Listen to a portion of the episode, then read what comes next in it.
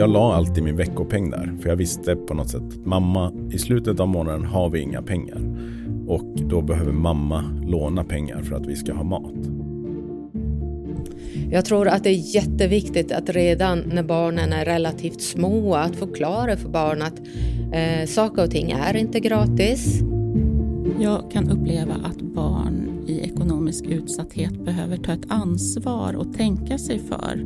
Man hjälper till att Eh, leta tomflaskor, eh, leta efter extrapriser i butiken, eh, äta mindre, sådana saker.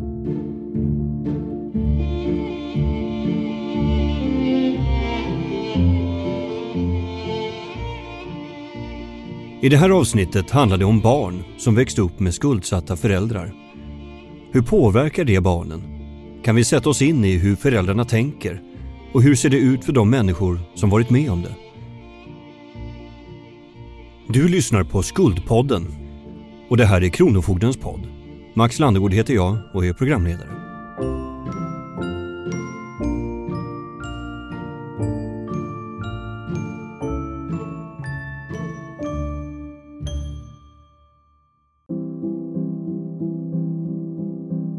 På 90-talet fanns inte många mobiltelefoner.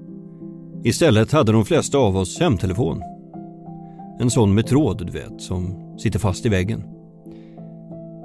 Om du slog numret 08 742 8091 så kom du till en liten familj på Bollmorabacken i Tyresö.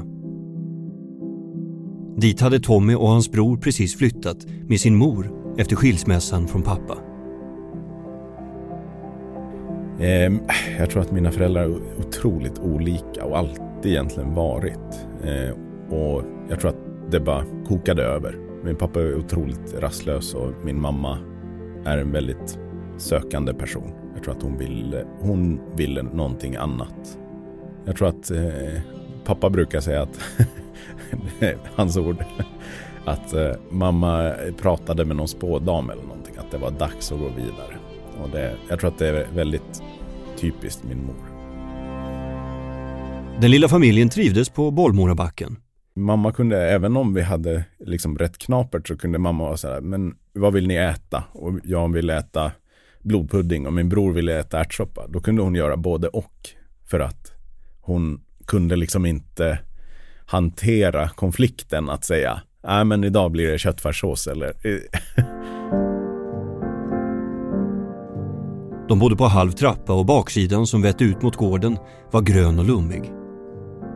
Där planterade bröderna en lönn för att de ville se någonting växa.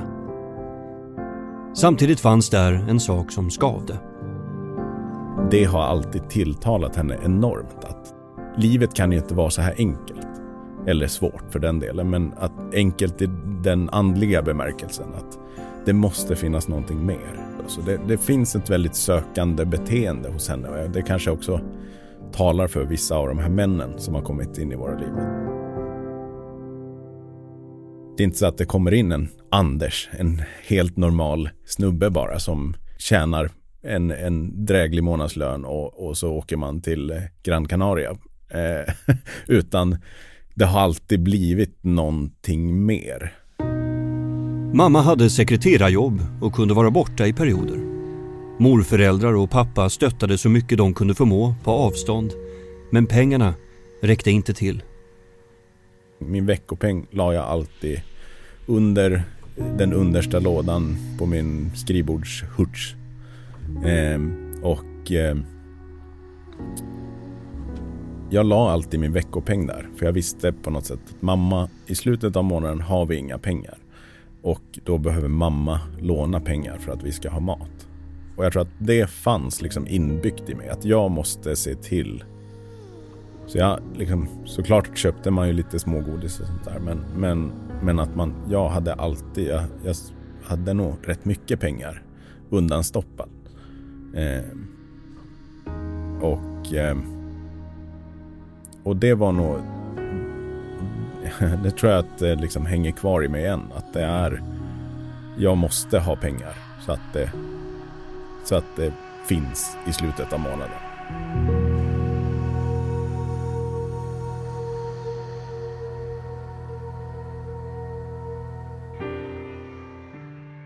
Det är så sjukt många saker man kan göra på sommarlovet. Man blir snurrig om man bara tänker på det. Men jag ska göra ingenting. Vi ska inte åka någonstans på hela sommaren, säger pappa. Jag har inga pengar. Men det gör väl inget, förutom att ingen av mina kompisar är hemma. Över 180 000 barn växer upp i familjer där minst en förälder har skulder eller en pågående skuldsanering hos Kronofogden. Det är mer än var tolfte barn. Barnens rätt i samhället, BRIS, samarbetar med Kronofogden.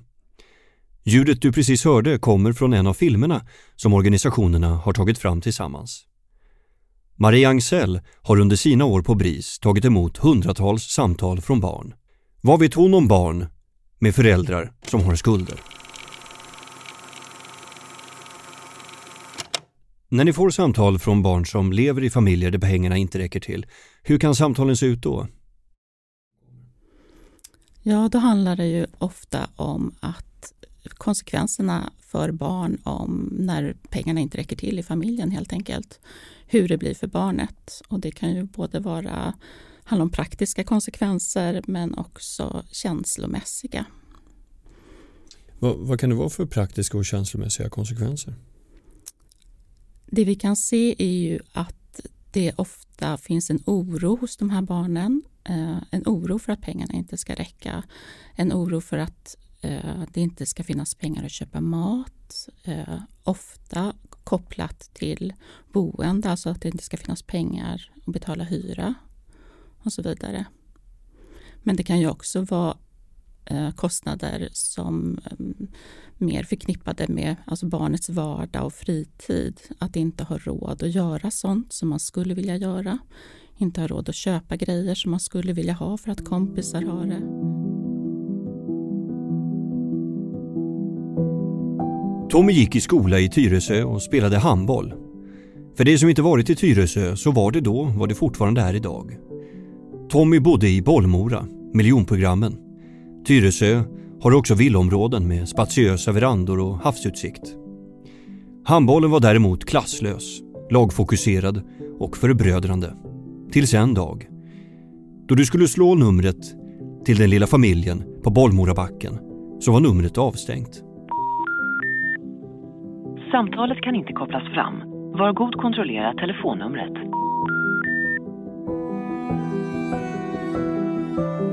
Mamma hade inte betalat. Hon hade fått en prick i registret. Då kunde hon inte teckna ett nytt telefonabonnemang. Mamma träffade, jag tror att det var en man som han hade ett stort hus i, i Linköping av alla ställen. Jag tror att det är den här mannen, det kan lika gärna vara någon annan man, som då tar ett lån ihop med henne, som henne som borgenär. Men kan ju då aldrig betala tillbaks det här lånet. Vilket leder då till att mamma hamnar hos Kronofogden. Mamma hade inte betalat telefonräkningen. Och på den här tiden, en tid utan mobiltelefoner eller kontantkort, så innebar också det att hon inte fick teckna ett nytt abonnemang. Familjen stod utan telefonnummer. Och parallellt hade Tommy, som då fyllt 12 år, börjat spela handboll. På handbollen skickades laglistor ut till alla föräldrar. Laglistor som innehöll namn på barnen, föräldrarna, adresser och även telefonnummer. Men den här säsongen var telefonfältet blankt hos en spelare. Och det var Tommy. Man skämdes ju.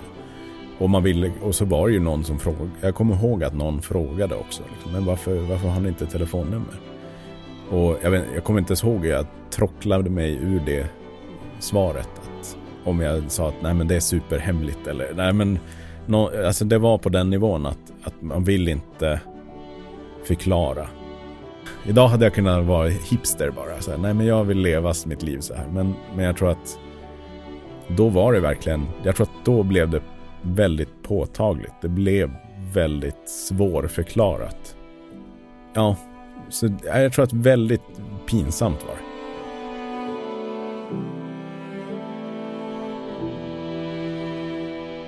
Det blev starten på en resa som skulle bli värre. Men vi återvänder till Bollmorabacken om ett litet tag. För nu ska vi till Gotland. Här, i Visby, jobbar kronoinspektör Annika Jakobsson. Det är hennes uppdrag att besöka personer som har skulder hos Kronofogden. Att vara kronoinspektör skulle man kunna säga är att vara en neutral mellanhand mellan den som vill få betalt och den som har en skuld. I sitt arbete har Annika också mött flera barn. Hur ser hennes förhållningssätt ut till barn när hon möter dem i jobbet? Vilket typ av fokus skulle du säga att du själv har i ditt möte med barn i din yrkesroll? Ja, fokus är ju att, att uh, inte oroa barnet eller väcka rädsla hos ett barn om jag träffar på dem ute på till exempel en förrättning eller ute i samhället utan att uh, hela tiden vara snäll och vänlig och använda lätta ord som förstår liksom att det är inget konstigt, inget farligt, du behöver inte vara orolig utan här kommer en människa som vill prata med mamma eller pappa helt enkelt. Hur, hur brukar du bli bemött hur brukar det, ja, av liksom barn och just en familjekonstellation? Hur kan det se ut? Ja, ofta så försöker vi ju eh, se till att vi kommer på en tid när barnet inte är hemma. De kanske är på förskolan eller de är i, i skolan, klassrummet hos lärarna och så vidare. Men ibland är det ju så att barnen är hemma.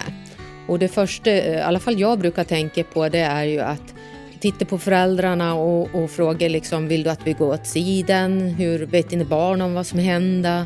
Eh, vad ska vi ta hänsyn till? Hur mycket vet de? Så att vi lägger ju mycket på föräldern för att liksom checka av. Är det okej? Okay? Ska vi börja prata eller ska vi gå undan? Hur tycker du att man som vuxen ska prata med barn generellt om ekonomi och, och skulder? hur går dina tankar där? Jag tror att det är jätteviktigt att redan när barnen är relativt små att förklara för barn att eh, saker och ting är inte gratis. Att man bara har en begränsad eh, antal pengar per månad om man då har månadslön eller om man har två veckors lön då på två veckor. Och, och förklara för barn att, att eh, man måste ha en balans i att det som går ut är också det som måste komma in. Och det tror jag barn är väldigt duktiga på att förstå om man börjar liksom med lätta saker. Att ja, en, en klubba kostar två kronor. Det räcker inte med en krona utan man måste lägga till en till. Och sen tror jag veckopeng är jätteviktigt. Eller mycket sådana här spel när man eh, tjänar coins och sådana grejer. Det tror jag är jätteviktigt för då ser man att jag kan inte köpa på eh, Minecraft eller vad vi nu är någonstans. Jag kan inte köpa en gris för 200 coins som jag bara har 100 coins utan då måste jag ju tjäna pengar för att betala min gris. Annars så kan jag inte bygga upp min bondgård eller vad vi nu gör för någonting. Och det är ju samma med veckopeng, att man får en veckopeng och den ska räcka till vissa saker, säg att det är godis eller tidningar eller vad det nu än är för någonting. Att man lär sig att ska man ha någonting som kostar mer än veckopengen så måste man kanske spara en veckopeng för att kunna liksom skaffa den här prylen som man så gärna vill ha. Det fanns inget roligare i hela världen. Jag älskade fotboll. Jag sa till de andra i laget att det fanns roligare saker att göra än att sparka på en boll.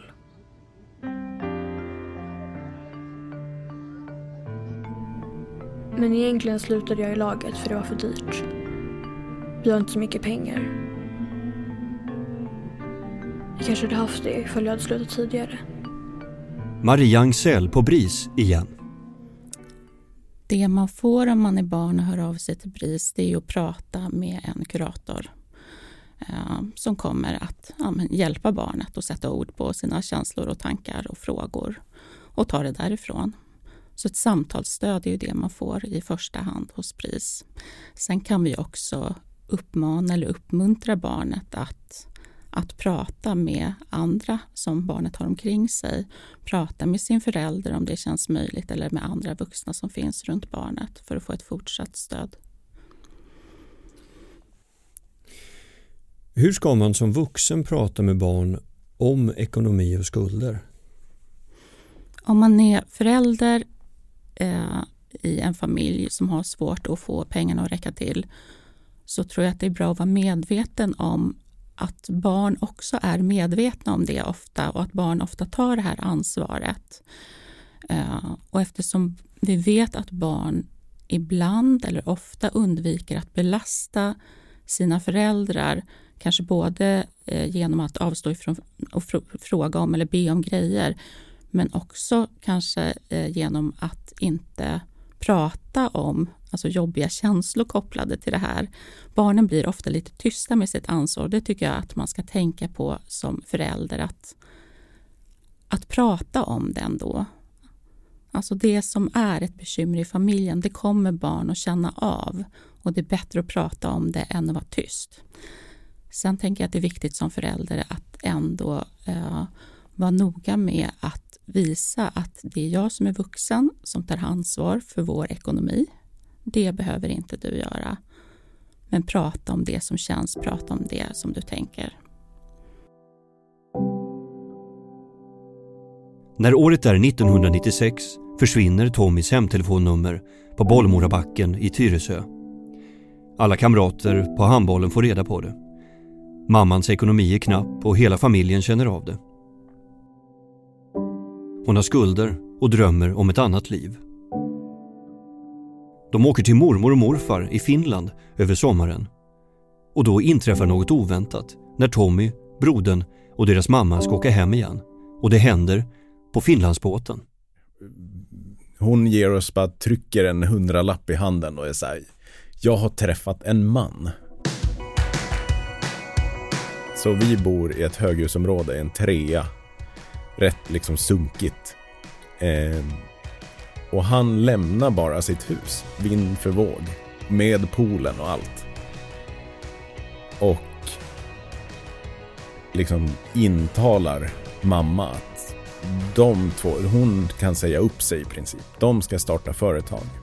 Eh, liksom, det är påkostat. Vi har jättefina, nästan så här hotellfrukost hemma. Vi har ju kompisar som kommer hem till oss på morgonen bara för att uppleva det här. eh, att, att få en riktig frukost, liksom. Att han står där och kockar och har juice på bordet och det liksom... Det finns som en, en linje i min barndom och, och där på något sätt vänder allting till något ytterst märkligt bara.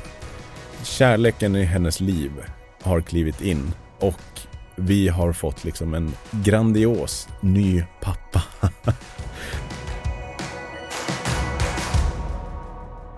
Han var otroligt givmild och mot oss också. Vi var ju liksom, vi blev ju som hans barn. Eh, jag tror min bror aldrig riktigt kanske tog emot honom. Jag tror jag var mycket mer öppen. Det, det är mycket som händer där den här tiden. Och i, i den här så får han plötsligt för sig att de ska flytta till Spanien.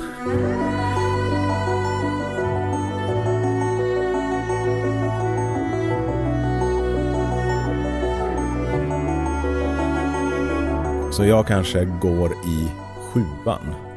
Mamma säger så här, men nu, nu är det så här att eh, jag och min stora kärlek, vi ska flytta till eh, Teneriffa. Och eh, han har någon slags affärskontakt där och vi kommer driva företag och bli rika. Eh, det här var liksom alltid bli rika. Och från ena dagen till den andra så flyttar eh, min pappa hem till oss. Och vi har ju liksom haft en sådär varannan helg, eh, var tredje, var fjärde helg relation med honom. Till att plötsligt bara mamma hoppar in i bilen och pappa kliver in i vårt liv igen på heltid. Så det var också lite sådär, kanske inget man säger i skolan på högstadiet. Nej, min, min mamma drog nu.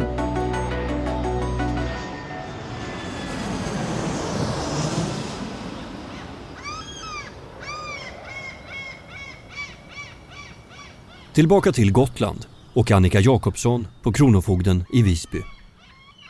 Hur ofta träffar du barn i ditt arbete på, på ett år? På ett år? Ja, det är faktiskt inte så ofta. Många föräldrar tar ju sitt ansvar och ser till att barnen är ja, på förskolan eller hos en kompis eller att mamman eller pappan går iväg med barnet eller skickar ut dem i trädgården. Att nu går vi går ut och gungar en liten stund, mamma eller pappa kommer snart. Kan det hända att du får frågor från barnen? Ja, absolut. Visst är det det. Ibland är det ju så, vilket alla föräldrar vet, att ungarna springer till dörren och öppnar innan man ens har hinner sagt eh, halv sju. Liksom. Och så står det en främmande tant där och frågar efter mamma och pappa och då undrar de, vem är du? Och då brukar jag bara skratta lite. Ja, Annika heter jag. Har du mamma eller pappa inne? Det är dem jag vill träffa. Ja, säger de och så glider de vidare.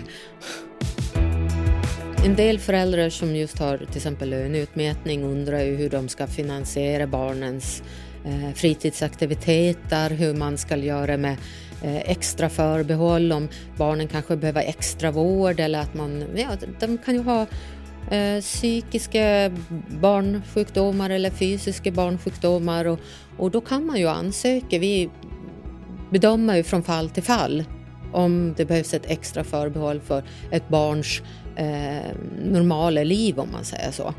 Eh, fritidsaktiviteter är ju en svårare sak att säga hur, hur man ska finansiera den delen men där är ju den vuxnes ansvar. Det måste man ju komma ihåg att det är ju föräldrarna som är ansvariga för ekonomin, det är inte barnen. Under Tommys uppväxtår får familjen i Tyresö besök av både polis och kronofogde. Jag ska gå och skriva fysikprov på morgonen och det knackar. Tänker väl inte så mycket mer på det och där står två poliser och frågar Har du din mamma här? I det här så, så underrättas då mamma att hennes stora kärlek är nu misstänkt för e-, ekobrott och är efterlyst för någonting nere i Göteborg. Det är svårt att hålla isär. Eh, så vi har haft liksom polisbesök rätt ofta egentligen. Jag, kan kanske, jag tror inte det är normalt. Men jag kan, vi kanske har haft polisbesök åtta gånger eh, över den här min barndom och fram tills jag var 18. Stor del har ju varit då mammas stora kärlek och hans liksom, ekonomiska förehavanden. Men, men även liksom, att det har varit bråk i hemmet med andra män. Så, och, och av någon anledning så är det jag, liksom min minnesbild är att jag står i hallen och släpper in polisen. Eh, Kronofogden kunde komma upp eh, väldigt anspråkslöst. Eh, fråga efter mamma. Någon gång fick de ta bilen. Även om bilarna på den tiden inte var värda så mycket. Och speciellt de som var skrivna på mamma. Liksom. Det var en del i ens liv på något sätt att det fanns ett... Det fanns människor som kunde komma hem till oss och vara sådär. Jaha, liksom hur, hur, hur går det med den här skulden? Och, ehm, så de var väldigt, det var väldigt ändå en trevlig ton jag, som jag upplever.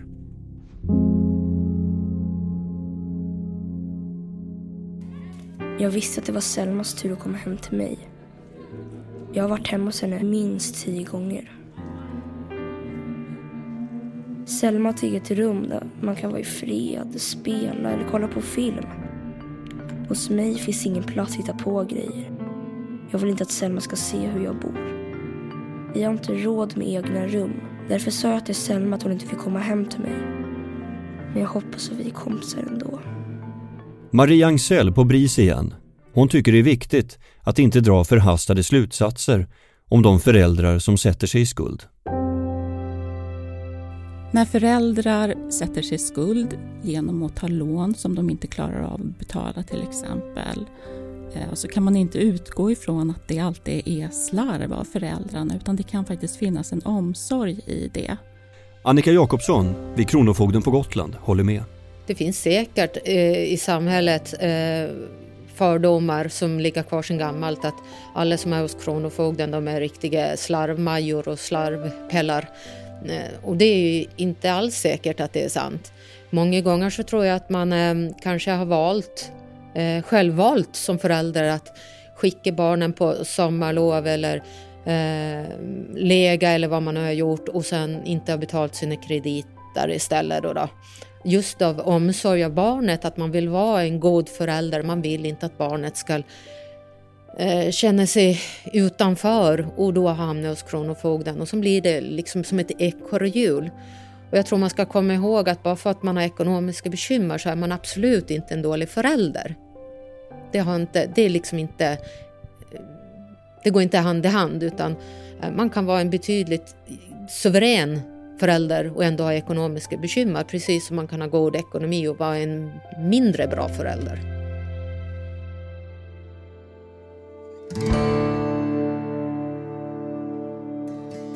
Efter att Tommys mamma försvunnit till Kanarieöarna flyttade hans biologiska pappa in med bröderna i lägenheten på Bollmorabacken. Och det första som händer då är att pappa sätter faktiskt upp ett nytt hemtelefonnummer. Och vi är on the grid igen. Eh, fram till det så har också pappa fixat varsin mobiltelefon till mig och min bror. Så det här börjar komma, varsin Motorola. Så vi är liksom ändå, då börjar, då blir vi mer socialt och vi är väl de enda i, i min klass som liksom är, har en telefon. Det var bara och det var verkligen en sån här med lucka, liksom stor och antenn man drog ut. Och pappa hade en NMT innan det, så det här var liksom tidig GSM-telefon. Så det var ju otroligt liksom eh, att plötsligt var vi liksom påkopplade igen. Eh, och, och, och mamma var borta bara. Eh, såg ju inte henne på kanske ett år. Eh, också otroligt märkligt. Från att ha levt med någon och liksom verkligen varit det vi, var, vi och mamma till att mamma, mamma flyttade bara. Eh, så nej. Äh, återigen lite det här grandiosa. och jag tror inte ens vi tänkte någonsin att vi åker och hälsar på. Det var liksom inte ens, jag vet inte om det var uttalat eller vad det var, men vi åkte aldrig och hälsade på. Eh, utan vårt liv bara fortsatte. Det, det, första pappa gjorde var också att jag och min bror fick varsitt rum. Han flyttade in i förrådet. Han, det tyckte han var, och han var, han, det, är, det är väl min pappa i ett nötskal. Han... Eh, han, i hans värld gick vi först. Eh, han såg till att vi åt först. Sen satte han sig själv och åt det som var kvar. Eh, jag tror att det, det, var, det är verkligen min pappa i ett nötskal. Det var viktigare att vi hade varsitt rum. Han kunde bo i, i, i en skrubb liksom. Nej, han bodde bokstavligt talat i ett förråd utan fönster. Eh, för att vi skulle liksom ha det bra. Tommy är vuxen nu. Han har fru och fyra barn. Ett bra jobb och god ekonomi. Och ett eget hemtelefonnummer. Under alla år var Tommys mamma skuldsatt, många gånger för affärer och företag som gått omkull. För fem år sedan ringde Tommy upp Kronofogden och inkassobolag. Han hade bestämt sig för att betala av sin mammas skuld. Jag har funderat på det där länge eh, och känt liksom, vad, vad, kan jag, vad kan jag göra eh, för att det ska bli liksom bättre för mamma. Hur lång tid tog det att betala av din, det var din ett, mammas skuld? Eh, det tog ett år. Varför gjorde du det? Jag kände att eh, jag, kände, jag kände att om min mormor och morfar går bort så ska inte deras, det de har sparat ihop och, och de pengarna ska inte gå till mammas stora kärleksskuld. Även om min mamma hade stor del i det så kändes det fel att mormor och morfar skulle betala ännu en skuld. Så det var egentligen om omsorg för mormor och morfar? Ja, och mamma då såklart. Och, jag tror att eh, morfar då som var nära döden, att hans arv inte skulle gå till det där. Hur har, tror du, hela den här resan som du har fått vara med om i din barndom påverkat son och mammarelationen mellan dig och din mamma? Jag tror att ett bra exempel var när den här skulden var borta. Eh, så beklagade sig mamma att, att den skulden någonsin ens hade funnits. Istället för att tacka eh, mig för att jag såg till att den försvann. Att det, det, det var viktigare för henne att skjuta ifrån sig ansvaret för den än att, att jag såg till att hon fick ett arv efter sin pappa.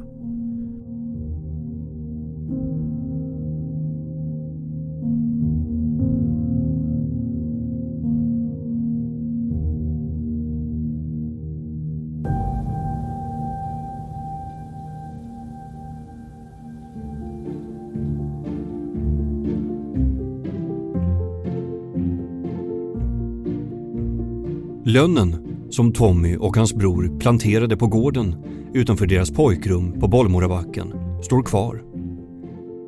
Den har växt sig så stark och hög att grannarna på tredje våningen börjat klaga på utsikten. Men lönnen ska ingenstans. Det har Tommys pappa bestämt sig för. Han bor kvar i hyresrätten efter att alla har flyttat. Men han bor inte kvar i förrådet längre. Ett av Kronofogdens viktigaste mål är att minska antalet personer som blir skuldsatta och får svårt med sin ekonomi.